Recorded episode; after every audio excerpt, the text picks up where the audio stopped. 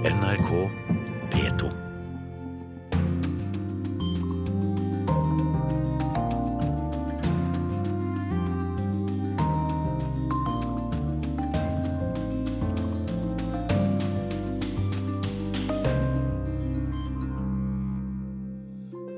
I Tyrkia har 6000 mistet jobbene i en ny runde med utrenskninger.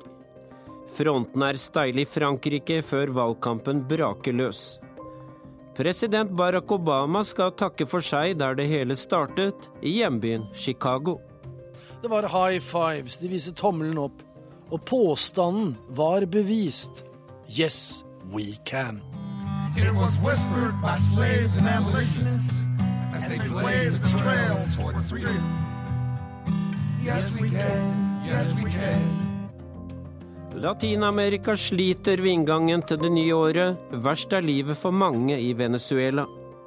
No durar, no podemos durar dos días, tres días para obtener un artículo de primera Vi kan ikke fortsette å leve slik, sier den 42 år gamle Marcos Palma. Anleggsgartner i Spania ble soldat i Ukraina. FN har fått ny sjef ved inngangen til det nye året. Han som nettopp gikk av, sammenligner seg med Askepott.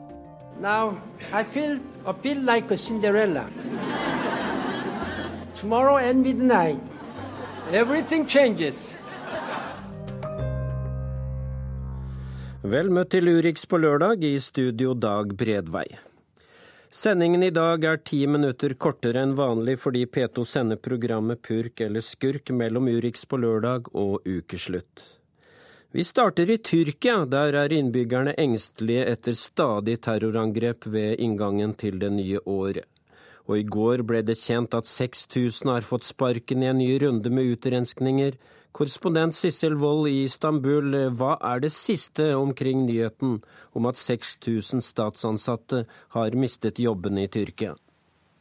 Ja, Av disse så er 2687 politifolk og 1700 er byråkrater i Justisdepartementet, for å nevne noen. De mistenkes da for å støtte denne predikanten Fetullah Gulen, som myndighetene mener sto bak kuppforsøket i sommer. Det at så mange politifolk har fått sparken, går det utover sikkerheten i et land som stadig rammes av terror?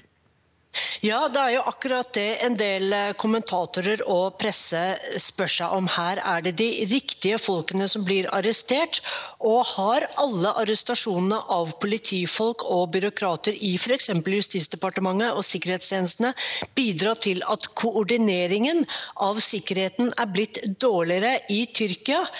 Vi har jo sett mange terrorangrep her. og F.eks.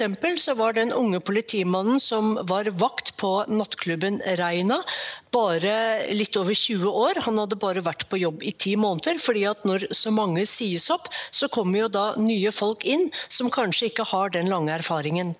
Ja, Du nevnte nattklubben Reina. Hva er det siste jakten på den som står bak angrepet på denne nattklubben nyttårsaften? Ja, Politiet kjenner identiteten til mannen, og han er da uigur, eh, får vi høre. Det er en tyrkisk folkegruppe. Eh, mange bor i Usbekistan og Kasakhstan. Veldig mange har kommet hit og bor i Istanbul, i noen av forstedene. Og eh, det er der man tror at denne mannen gjemmer seg. Han er på frifot.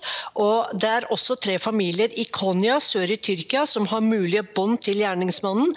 Der har politiet funnet falske pass og utstyr til våpen, mens de har undersøkt leilighetene. Bare nevner også at en del IS-folk har ifølge mediene her kommunisert via en app og delt informasjon om planlagt nyttårsfeiring og arrangementer på flere av nattklubbene og restaurantene i Istanbul. Du var selv ved utestedet Reina i går, og hva skjer der nå? Der er det veldig veldig sterkt vakthold. Det er både vanlig politi, det er terrorpoliti, det er sikkerhetsstyrker i militæruniformer. Men det er klart at vaktholdet nå, det er kanskje litt sent. Det neste terrorangrepet kommer, hvis det kommer, et annet sted. Også veldig mange kommer dit med blomster. De vil markere at de kjemper for en sekulær mulighet for et sekulært liv også i Tyrkia. Selv om regjeringen jo mener at uh, tyrkere flest ikke burde ha feiret uh, nyttårsaften. De burde være mer, uh, leve et liv mer i tro med islam. Tusen takk skal du ha, Sissel Wold, direkte med oss fra Istanbul.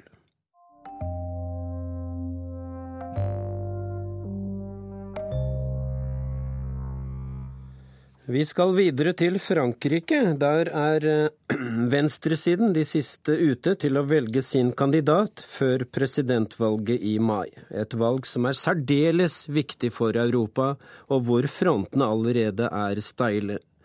Og korrespondent Philip Lote i Brussel, hva er grunnen til at politikere fra alle EU-landene er spente og følger spesielt godt med på fransk politikk disse dagene?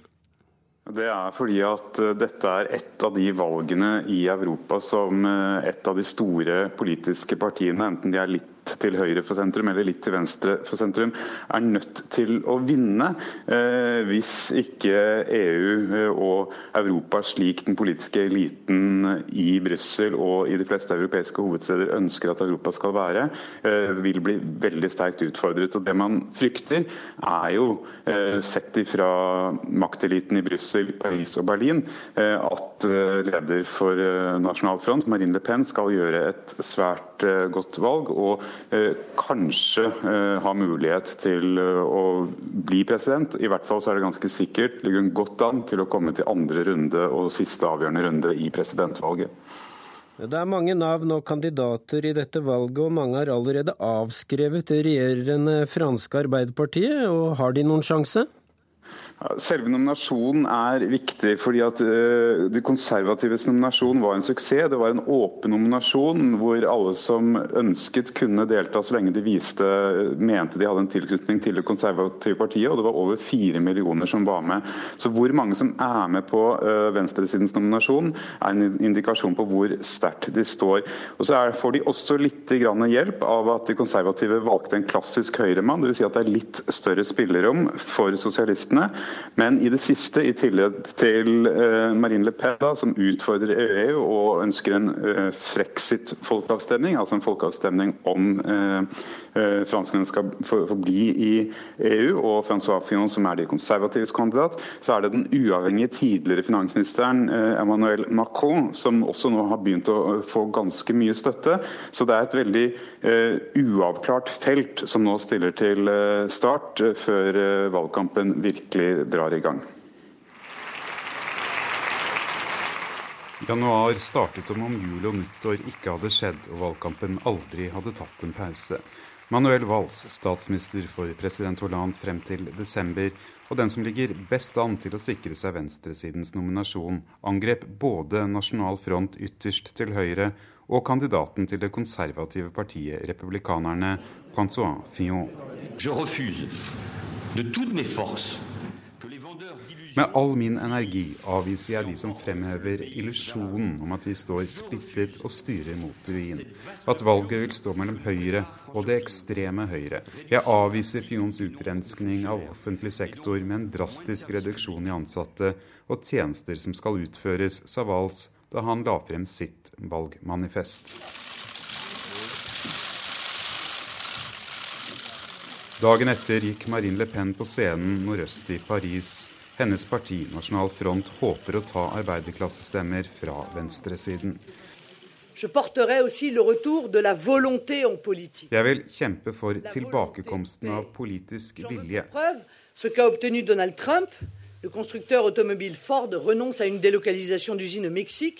Vilje betaler seg. Som bevis noterer jeg hva Donald Trump allerede har oppnådd med at bilprodusenten Ford nå har gått bort ifra sin plan om å bygge en bilfabrikk i Mexico, og i stedet vil investere i produksjon i USA. Ford skrinla planene om en fabrikk som skulle produsere for det amerikanske markedet i Mexico, etter at Trump truet med høye grenseskatter. Etter denne seieren har Trump truet Toyota med det samme. Uten å nevne konkrete navn sa Marine Le Pens nestkommanderende at fransk bilindustri produserer mye utstyr og mange deler utenfor Frankrike. Det franske Arbeiderpartiet og Manuel Valls har kommet sent i gang, og Valls bærer byrden av å ha vært statsminister under en historisk lite populær president. I høst sa kun 4% at de var fornøyd med Hollande, og så sent som 1.12. kunngjorde Hollande at han ikke stiller til gjenvalg. Jeg aksepterer til fulle det som er gjort siden 2012 sammen med president Hollande. Det er det som er å ta ansvar. Men som presidentkandidat krever jeg også retten til å tenke nytt og fritt. Jeg vil ikke foreslå igjen det som allerede har skjedd, men jeg vil forsvare en vei til fremtiden. Ennå er tallet og navn på kandidater mange. Valls må vinne over seks andre på venstresiden før han offisielt er deres kandidat. Sterkeste utfordrer er tidligere industriminister Arnaud Montebourg, som ligger lengre til venstre. Der Marine Le Pen roste Trump, sa Montebourg spøkfullt at Trump har stjålet hans ideer om å beskytte egen industri og arbeidsplasser. Der den konservative kandidaten Fillon vil stramme inn og kutte, vil Arnaud Montebourg bruke. Han er også kritisk til reformen av arbeidsmiljøloven som Valls og Hollande har stått for, og Fillot vil videreføre. Arbeidsloven er ikke årsaken til ledighet. Innstramningspolitikken er årsaken.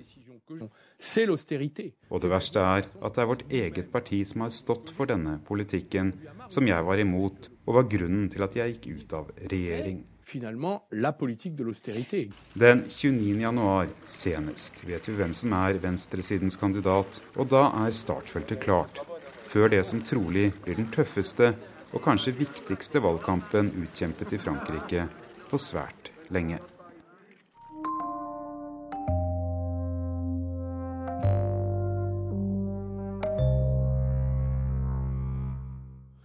Over helgen drar Barack Obama tilbake til hjembyen Chicago, der det hele begynte.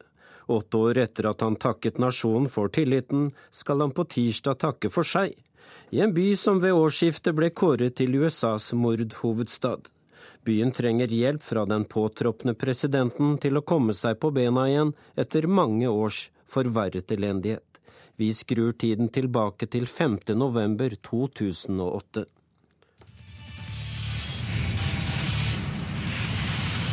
And CNN can now project that Barack Obama, 47 years old, will become the president-elect of the United States. I Barack Obamas hjemby felte folk gledestårer. De omfavnet hverandre, smilte og lo. Det var et historisk øyeblikk. De var beveget, de var stolte, og de takket Vår Herre. Det umulige hadde skjedd. USA skulle få en svart president. Det var high fives, de viste tommelen opp og påstanden var bevist. Yes, we can. It was whispered by slaves and abolitionists as they blazed the trail toward freedom. Yes, we can. Yes, we can. En stund senere kom valgets vinner ut på podiet i Grant Park nede ved Lake Michigan. 350 000 begeistrede, entusiastiske amerikanere jublet i den uvanlige varme novembernatten. Obamas ord for historiebøkene gledet og varmet de også. We have fought our way back, and we know in our hearts that for the United States of America, the best is yet to come. Grant Park var kjent for de voldsomme opptøyene og den hemningsløse politivolden under Demokratenes landsmøte i Chicago 40 år tidligere. Og selv om kontrasten til 1968 var enorm, så var sikkerhetsoppbudet i 2008 et slags varsel om at alle problemer ikke var løst. Obama, en svart president, var en provokasjon for mange. Den kommende førstefamilien med Malaya Sasha, 11 og 8 år, sto i praksis i et usynlig glassbur. De skuddsikre glassveggene var tre meter høye og fem meter lange i tilfelle det skulle være en snikskytter i et av høyhusene med utsikt til parken. Og det var kanskje ikke tilfeldig. Chicago er historisk kjent for sine skytevåpen, mord og drap, død og forferdelse. Og nå er drapsbyen tilbake i nyhetene igjen, som på BBC. En gang is convicted of several murders. But why is the city so mired in violence? Hva har skjedd med Barack Obamas og Hillary Clintons hjemby? En fantastisk verdensmetropol med universiteter og nobelprisvinnere. Med mer kunst i det offentlige rom enn nesten alle andre byer. Med shopping i verdensklasse og restauranter med tre Michelin-stjerner. For ikke å snakke om byens stolthet, The Cubs. Baseballaget som nå i november vant The World Series for første gang på 108 år. Byen som fant opp pariserhjulet, Wrigley's tyggegummi og Big Mac. Men nå er det kriminaliteten som igjen dominerer nyhetsbildet. Politisjef Eddie Johnson studerer statistikken og fortviler. What do you think I do? I look at those stats. You know, this is not normal to, to shoot to see shootings and murders like this. 762 mennesker ble drept i USAs tredje største by i fjor. Flere enn i de to største byene, New York og Los Angeles til sammen, og 60% flere enn i fjor. Tankene går til forbudstiden og Al Capone, til valentinerdagmassakren i 1929 og til Dickie Dick Dickens. Deilig dårlig vær, da smeller det så det drønner her, og med solen over by kan du pumpe ham full av bly. Og Chicago, mitt Chicago. Men det er ikke slik at alle Stor-Chicagos ti millioner innbyggere er i faresonen. Det er gjenger av sosialt og økonomisk marginalisert ungdom gjenger med til sammen ikke mer enn ca. 1500 afroamerikanere og latinos som står bak mesteparten av økningen hva antall drap angår. Allikevel er det bekymringsfullt. For dette er en gruppe demokratene har satset på. Og Barack Obamas gode venn og nære medarbeider Ram Emanuel har vært borgermester i Chicago de siste fem årene, og han har åpenbart feilet. Han har allerede vært i kontakt med påtroppende president Donald Trump om mulig føderal innsats og støtte. Det må smerte, etter det Obama sa i 2008. Yes, we can to opportunity and prosperity. Yes, we can heal this nation. Yes, we can repair this world. Yes, we can. Før Obama ble politiker og president, arbeidet han med vanskeligstilt ungdom nettopp i Chicago. Analytikere hevder at det er en sammenheng mellom kutt i byens bevilgninger til ungdomsarbeid og økningen i antall voldsepisoder, skuddramaer og mord. Det kommer til å bli sterke følelser, nye tårer og svært emosjonelt når Obama takker for laget på tirsdag. Men med en betydelig bismak. Chicago er ikke lenger hva det var, kunne man si. Problemet er vel snarere at Chicago igjen er blitt hva det en gang var. Det sa Joar Hoel Larsen, tidligere USA-korrespondent. Og i korrespondentbrevet senere i sendingen skal nåværende korrespondent Gro Holm snakke om mer om arven etter Obama. Portugals tidligere statsminister Antonio Guterres tiltrådte denne uken som FNs nye generalsekretær. Han overtok etter Ban Ki-moon, som viste seg fra en ny side da han i sin avskjedstale sa at han følte seg som Askepott. Now, I feel, I feel like a Cinderella. Tomorrow at midnight, everything changes. Humor er ikke akkurat det vi forbinder med Ban Ki-moon. Han som har vært mer sekretær enn general for de 193, i hvert fall på papiret, forente nasjoner. Han som mange mener aldri nådde opp til sin forgjenger Kofi Annan. En viss lettelse må det ha vært den 1. januar å overlevere ansvaret for hele verden til en annen. On this New Year's Day, I ask all to join me in making one shared New Year's resolution. Let us resolve to put peace first. La oss ha dette nyttårsforsettet, å sette fred først og gjøre 2017 til et fredsår, sa Antonio Guterres i sin første tale som FNs generalsekretær. Den niende i rekken, den første som har erfaring som regjeringssjef. Men kanskje enda viktigere, FNs høykommissær for flyktninger fra 2005 til 2015. Altså med ti års erfaring fra konfliktene han nå skal forsøke å løse. Syria, Jemen, Sør-Sudan. Konfliktene står i kø. Let us make 2017 Nå er jo en generalsekretær i FN programforpliktet til å tale fredens sak. Men etter å ha sett flyktningers lidelse på nært hold i ti år, er Antonio Guterres ingen naiv mann. Mirakler finnes ikke, og vi må ikke ha noen illusjoner om hvilke store utfordringer vi står overfor, sa han da han tok runden og hilste på de ansatte ved FNs hovedkvarter på Manhattan. Vi har hjulpet folk i nød, men vi svikter fortsatt når det gjelder forebygging og løsning av konflikter. Blant de aller mest skeptiske til verdensorganisasjonen er USAs påtroppende president Donald Trump. FN er bare en klubb der folk kommer sammen for å skravle og ha det gøy, tvitret han i romjula.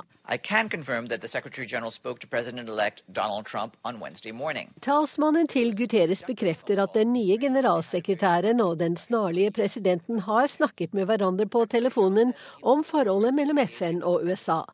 Positivt skal det ha vært, men ikke veldig detaljert. Uh, det må vente til etter at Trump er tatt i ed, sa Farhan Haq.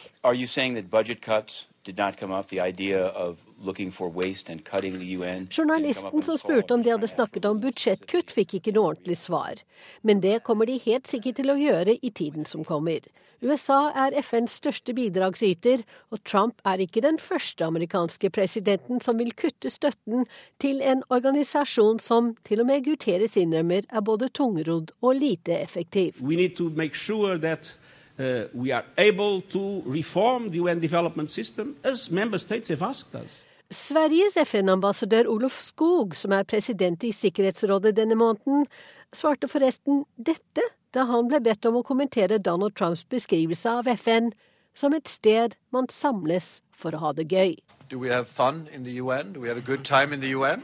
Yeah, uh, but we also work very hard. Og det var reporter Wenche Eriksen som hadde laget denne saken om ny sjef i FN.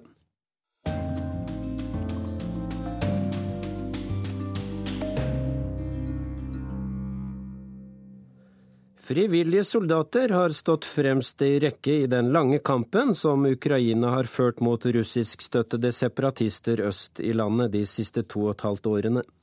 En av dem er Igor Filippov, som ga opp et trygt liv som anleggsgartner i Spania da krigen startet i 2014, for å delta i krigen i hjemlandet.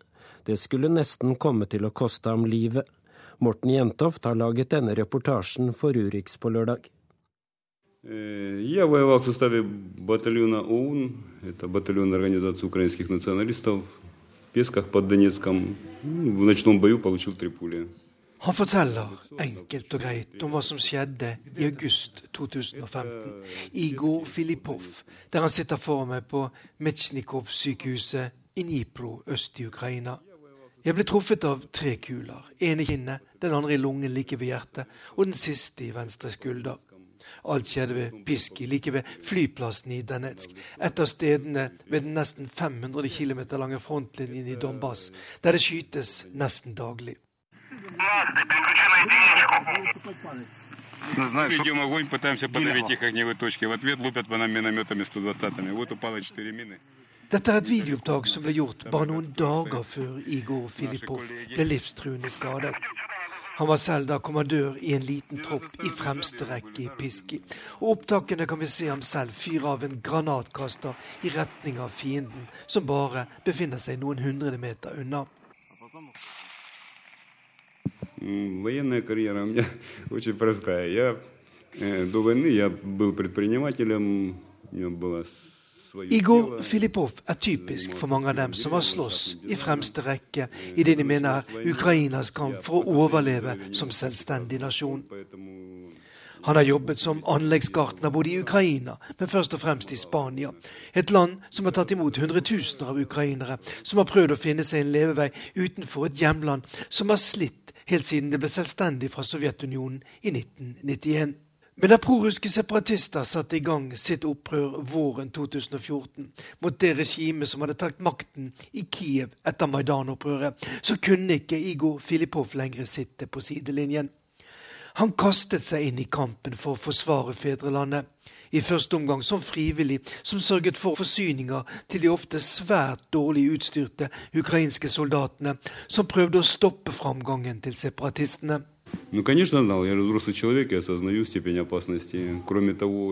Selvfølgelig visste jeg at dette var farlig. Jeg er da et voksent menneske, sier Igor Filipov med et lite smil om munnen. Til nå har da også nesten 10 000 mennesker mistet livet siden konflikten i Ukraina startet vinteren 2014. Вчора наш брат, слідопит, I et annet opptak fra fronten ved flyplassen i Danetsk forteller Igor Filipov, som naturlig nok raskt fikk til navnet Spanjol blant sine medsoldater, om at de bare noen timer tidligere har mistet en av sine kollegaer som var ute på et rekognoseringsoppdrag.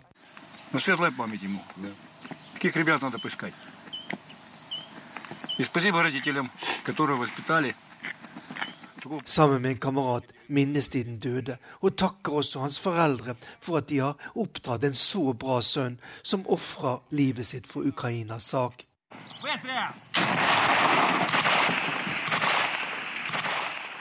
Alvoret i konflikten i Ukraina har fra første stund vært grundig dokumentert via mobiltelefonkamera.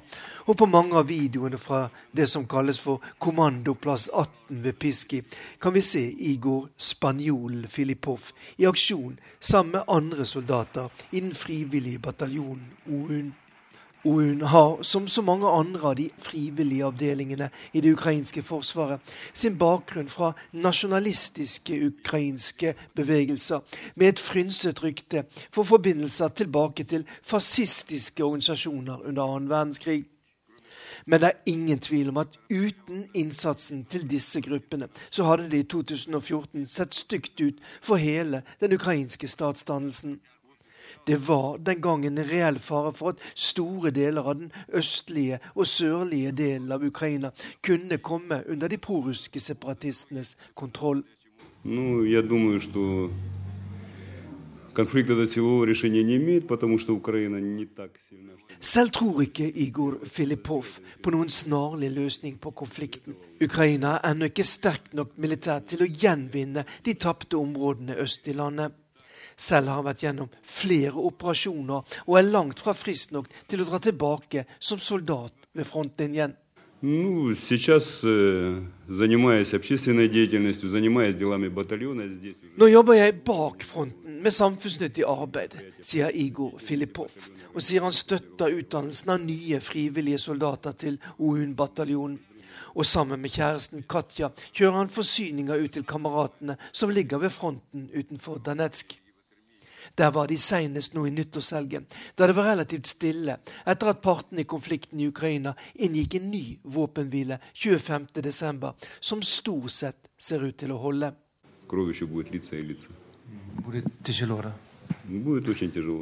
Dessverre kan det ta lang tid å lege sårene fra det vi har vært gjennom, sier krigsinvaliden Igor Filipov på Metsjnikov-sykehuset i Dnipro i Ukraina. Det som har skjedd, går videre fra mann til mann, fra kvinne til kvinne. Det kan ta mange tiår før vi kommer over dette, sier han.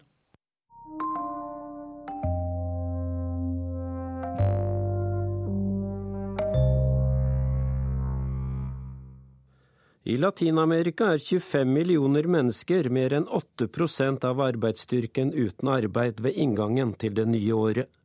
Det er det høyeste tallet på mer enn ti år. Kjempen Brasil har nok et kriseår bak seg, og Latin-Amerikas samlede økonomier opplevde tilbakegang i året som gikk. Arnt Stefansen i Rio de Janeiro har sendt oss denne reportasjen.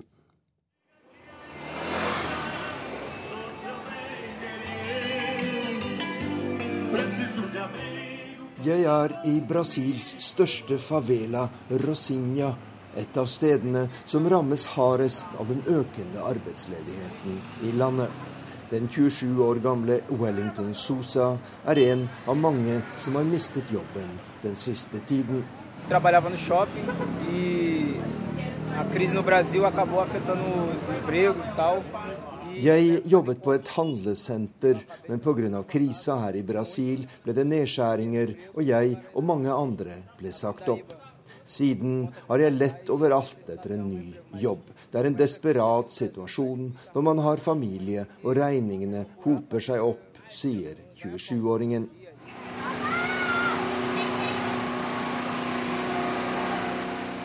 Brasil bidrar vesentlig til at arbeidsledigheten øker kraftig her i Latin-Amerika. I 2016 mistet fem millioner latinamerikanere jobben, og ledigheten er nå på 8,1% den høyeste i regionen på mer enn ti år og ekspertene frykter at det dystre tallet vil stige i det nye året, selv om Brasils president Michel Temer tror på bedre tider. 2016, um ano em que nós combatemos a recessão. 2016 ble et år da vi sloss mot resesjonen, og de økonomiske problemene vil nok følge oss et stykke inn i 2017. Men jeg tror dette blir året da vi vil overvinne krisa. Økonomene spår et vendepunkt i annen halvdel av året, sier Brasils president. Det han ikke sier, er at ekspertene spådde det samme for ett år siden, men 2016 endte med en økonomisk nedgang på rundt 3,5% Den mest alvorlige situasjonen i Latin-Amerika er likevel et annet sted.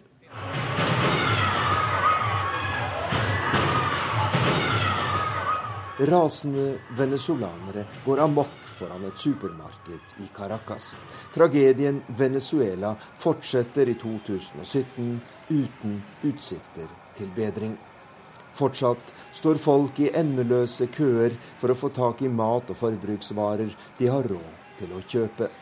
Økonomien falt med 10% i 2016, og inflasjonen nærmer seg 500% i året. No podemos durar, no podemos durar dos días, tres días para obtener un artículo de primera Vi kan ikke fortsette å leve slik, sier den 42 år gamle Marcos Palma. Vi bruker nå dager på å få tak i livsnødvendige varer.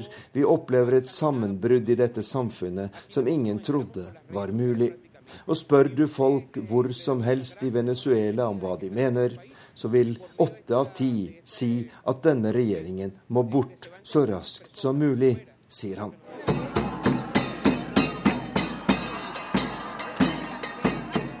Tusener av argentinere demonstrerer på Maiplassen i sentrum av Buenos Aires. Nærmere 75% av befolkningen er misfornøyd med situasjonen etter ett år med Mauricio Macris sentrum-høyre-regjering. Inflasjonen er på over 40% mer enn 6% lever i ekstrem fattigdom, og mange mener 2017 blir et skjebneår for Macri-regjeringen og for Argentina. Este gobierno es antidemocrático. Y yo y la mayoría de denne regjeringen er antidemokratisk, sier den pensjonerte journalisten Jorge Mancinelli. Det er en regjering som ikke lytter til folket, og som driver en brutal, nyliberalistisk politikk, til fordel for de rike og til skade for landets fattige, sier han. Men halvparten av argentinerne har tro på president Macri og hans reformer, og mener problemene skyldes at den forrige presidenten var korrupt og drev en uansvarlig utgiftspolitikk.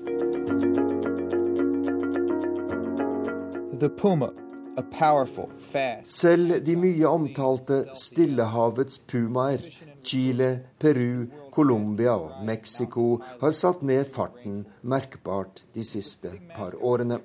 Men fortsatt er det økonomisk vekst i disse landene, og det er ventet at veksten vil øke i 2017.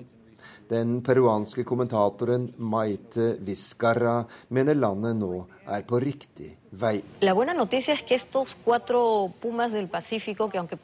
Stillehavets pumaer satser nå tungt på det som har vært en suksess andre steder, f.eks. i EU-landene. Vi forener kreftene når det gjelder forskning og utvikling, og det er der fremtiden ligger. Slik det er nå, er Latin-Amerika avhengig av faktorer som ligger utenfor vår kontroll. Råvareprisene, veksten i Kina og kursen på dollar. Der ligger årsakene til dagens problemer, og slik kan det ikke fortsette, sier eksperten fra Peru. Som USAs første svarte president blir Barack Obama for alltid stående som historisk. Han er blitt kraftig motarbeidet av republikanerne i Kongressen, og har svart med å bruke presidentfullmakter. Men hva blir stående etter Obama? Det er tema for ukens korrespondentbrev fra USA-korrespondent Gro Holm. Barack Obama er et nattemenneske. Det er da han får tid til å tenke i fred. Sju mandler og ensomhet var overskriften på en av fjorårets mest leste artikler i storavisa The New York Times. Den beskrev hvordan presidenten hver dag etter middagen med Michelle og barna trekker seg tilbake til traktatrommet i Det hvite hus for å jobbe og tenke. Han skriver ofte e-poster etter midnatt, og om noe står på, kan han be medarbeidere om å komme tilbake lenge etter vanlig leggetid. Han drikker stort sett bare vann, spiser sju salte mandler og sover ofte ikke mer enn fem timer. Han snakker ikke timevis i telefon, slik Bill Clinton kunne gjøre. Han trenger tid til å tenke og trives i eget selskap. Hva har han så utrettet, denne idealisten, juristen og eks-senatoren, som når det gjelder politikk, i mangt ligner på en skandinavisk sosialdemokrat? For USAs befolkning faktisk en hel del. Han arvet en finanskrise som få nålevende hadde opplevd maken til, og han bestemte seg for å bruke statsmakten til å rette opp skuta. Obama fikk gjennom et stimuleringsprogram på 800 milliarder dollar, reddet mesteparten av bilindustrien fra konkurs, og fikk vedtatt en bankreguleringslov som bl.a. skal hindre at bankene opptrer som eiendomsspekulanter. Med hjemmel i den såkalte Dodd-Frank-loven er det også opprettet et forbrukerombud for finanssektoren, som skal verne borgerne mot dårlige låneprodukter. Obama ønsket å gjøre noe med ulikhetssamfunnet. Ifølge hans egne økonomer er inntektsforskjellen mellom den rikeste prosenten og resten nå synkende. Andre bestrider det. Men han klarte noe som sju presidenter før ham hadde gitt opp, nemlig å få vedtatt en helseforsikringsreform, på folkemunne bare Obamacare. Den ble vedtatt med et nødskrik av en kongress der demokratene hadde flertall i begge kamre, og signert av Obama i mars 2010. Over 20 millioner mennesker som ikke før hadde helseforsikring, er nå dekket. Det ble forbudt å nekte folk forsikring på grunnlag av tidligere sykehistorie. Men mange fikk også høyere premier, fordi de billigste og dårligste tilbudene ikke lenger var lovlige. Dessuten vanker det bøter for dem som ikke sørger for å tegne forsikring. Reformen har vært hatobjekt nummer ett blant republikanerne, og visepresident Mike Pence gjentok denne uka at avskaffelse av Obamacare er absolutt førsteprioritet for den nye administrasjonen. Fra januar 2011 har republikanerne hatt flertall i Representantenes hus. Og de har gjort det bortimot umulig for Obama å få de folkevalgte med på reformer. I stedet har han brukt presidentmakten til å legge nye forskrifter til gamle lover, eller bare rett og slett utstede nye presidentforordninger. Hvis jeg har en mulighet til å skape en bedre framtid for amerikanske familier uten å ty til nye lover, så vil jeg gjøre det, sa Obama i 2014. Mye av det er lite kjent, for presidenten har ofte gått stille i dørene, og mange republikanere mener at han har gått langt utover sine fullmakter. Han har f.eks. økt minstelønna til 10,10 dollar for flere hundre tusen kokker, vaktmestere og andre kontraktsarbeidere i offentlig tjeneste. De har også fått rett til sykelønn. Alle foretak som jobber for staten, må praktisere nye regler som beskytter de ansatte, inkludert forbud mot å diskriminere arbeidere på grunnlag av seksuell legning. Kvinner kan kjøpe p-piller uten resept. Flyselskap må betale bøter på nær 240 000 kroner for hver passasjer dersom et fly blir stående på rullebanen i over tre timer. Og det er satt en prislapp på ett tonn med karbonutslipp. Men de mest kjente initiativene er de som er blitt utfordret og stanset i rettsvesenet eller av Kongressen. Det gjelder f.eks. en forskrift som påla USAs kullfyrte kraftverk å kutte karbonutslippene med nær en tredel. 27 delstater tok saken til Høyesterett, som i fjor stanset gjennomføringen inntil videre. Like før jul i fjor stanset en føderal dommer i Texas Obamas forsøk på å innføre overtidsbetaling for alle som tjener under 410 000 kroner og alle forsøk på å innføre forbud mot halvautomatiske våpen og innføre utvidet bakgrunnssjekk av folk som kjøper våpen, har strandet. Hva så med utenrikspolitikken? Han hadde lovet velgerne at han ville gjøre slutt på krigene han arvet i Irak og Afghanistan. Den første mente han var tåpelig, den andre nødvendig og på tide å vinne. Høsten 2009 ble han presset av de militære til å sende 30 000 flere soldater til Afghanistan, men sa samtidig at tilbaketrekkingen skulle starte i juli 2011. Da skulle det afghanske forsvaret være sterkt nok til å overta. Det gikk dårlig. Taliban er på frammarsj. Det er ingen politisk løsning i sikte, og Obama har sagt ja til å la 10 000 soldater bli stående på ubestemt tid. Osama bin Laden er riktignok drept, men enhver tanke om demokratibygging er forlatt. Bombing med ubemannede droner fortsetter. Obama vil bli husket som dronekrigeren. I Irak ble alle amerikanske soldater først trukket ut, men nå er flere tusen tilbake igjen, som støtte for et irakisk forsvar som også får hjelp av Iran. Men minst vellykket av alle kriger USA er involvert i, er nok Syria. Sommeren 2012 trakk Obama en såkalt rød linje. USA ville gå til angrep dersom Syria brukte kjemiske våpen mot befolkningen. Det skjedde i august 2013, og amerikanske fly gjorde seg klare til aksjon. Så overrasket Obama selv sine nærmeste rådgivere ved å si at han ville gå til Kongressen og be om forhåndsgodkjenning. I Kongressen, som i befolkningen, var det lite støtte å hente for en ny krig. Det var Russland som reddet USAs president ut av den knipen ved å overtale Syrias president Assad til å gi fra seg hele lageret av kjemiske våpen. På den måten nådde Obama et av sine mål uten bomber, men sto likevel igjen som en svekket president i mange amerikaneres øyne. I 2014 fikk presidenten aksept i Kongressen for å bruke en halv milliard dollar for å drive militær trening av syrisk opposisjon. De skulle utgjøre bakkestyrkene mot IS, mens USA skulle sørge for flystøtte. Det gikk ikke så bra, det heller. Et år senere var bare noen få titalls arabiske soldater rekruttert. De ville heller kjempe mot Assad enn mot IS, og nå er det Russland som har overtatt ledertrøya i det internasjonale Syria-diplomatiet. Men Obama har hatt noen utenrikspolitiske seire, iallfall slik han ser det. Cuba og USA har gjenåpnet de diplomatiske forbindelsene, og den økonomiske embargoen svekkes gradvis. USA har ratifisert klimaavtalen i Paris, men kanskje størst av alt for Obama er atomavtalen med Iran. Problemet er at flertallet i Representantenes hus har vært uenig med presidenten, så ingen av disse seirene er forankret i Kongressen. Når det gjelder Iran, har Trump truet med å oppheve avtalen. Men det er egentlig ikke nødvendig. Han kan bare signere på kongressvedtak om å gjeninnføre sanksjoner, eventuelt også mot tredjeland som handler med Iran. Dermed undergraves hele Iran-avtalen. Det er med andre ord for tidlig å si hva som blir stående etter Obama.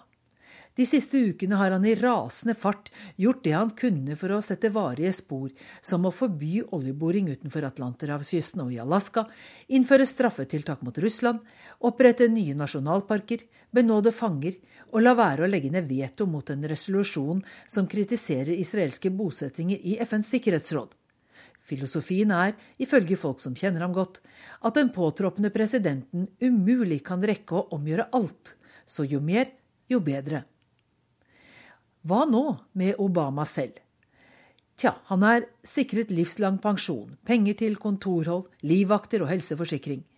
Selv har han sagt at han vil fortsette å jobbe for fattige gutter med afroamerikansk og latinoamerikansk bakgrunn. Han kommer ganske sikkert til å skrive bok og familien har leid et hus med ni soverom her i DC, slik at yngstejenta Sasha kan fortsette på samme skolen. De neste tre-fire månedene vet han hva han skal prioritere. Han skal sove, har han sagt. Men hva skal Michelle gjøre da?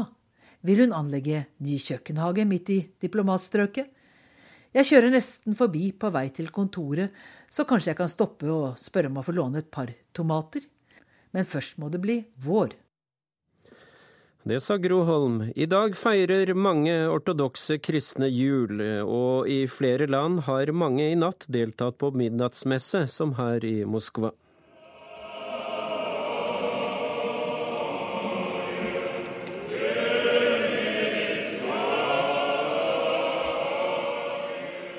Blant dem som feirer jul i dag, er ortodokse i Serbia, Georgia og Russland og også den koptiske minoriteten i Egypt og den ortodokse majoriteten i Etiopia.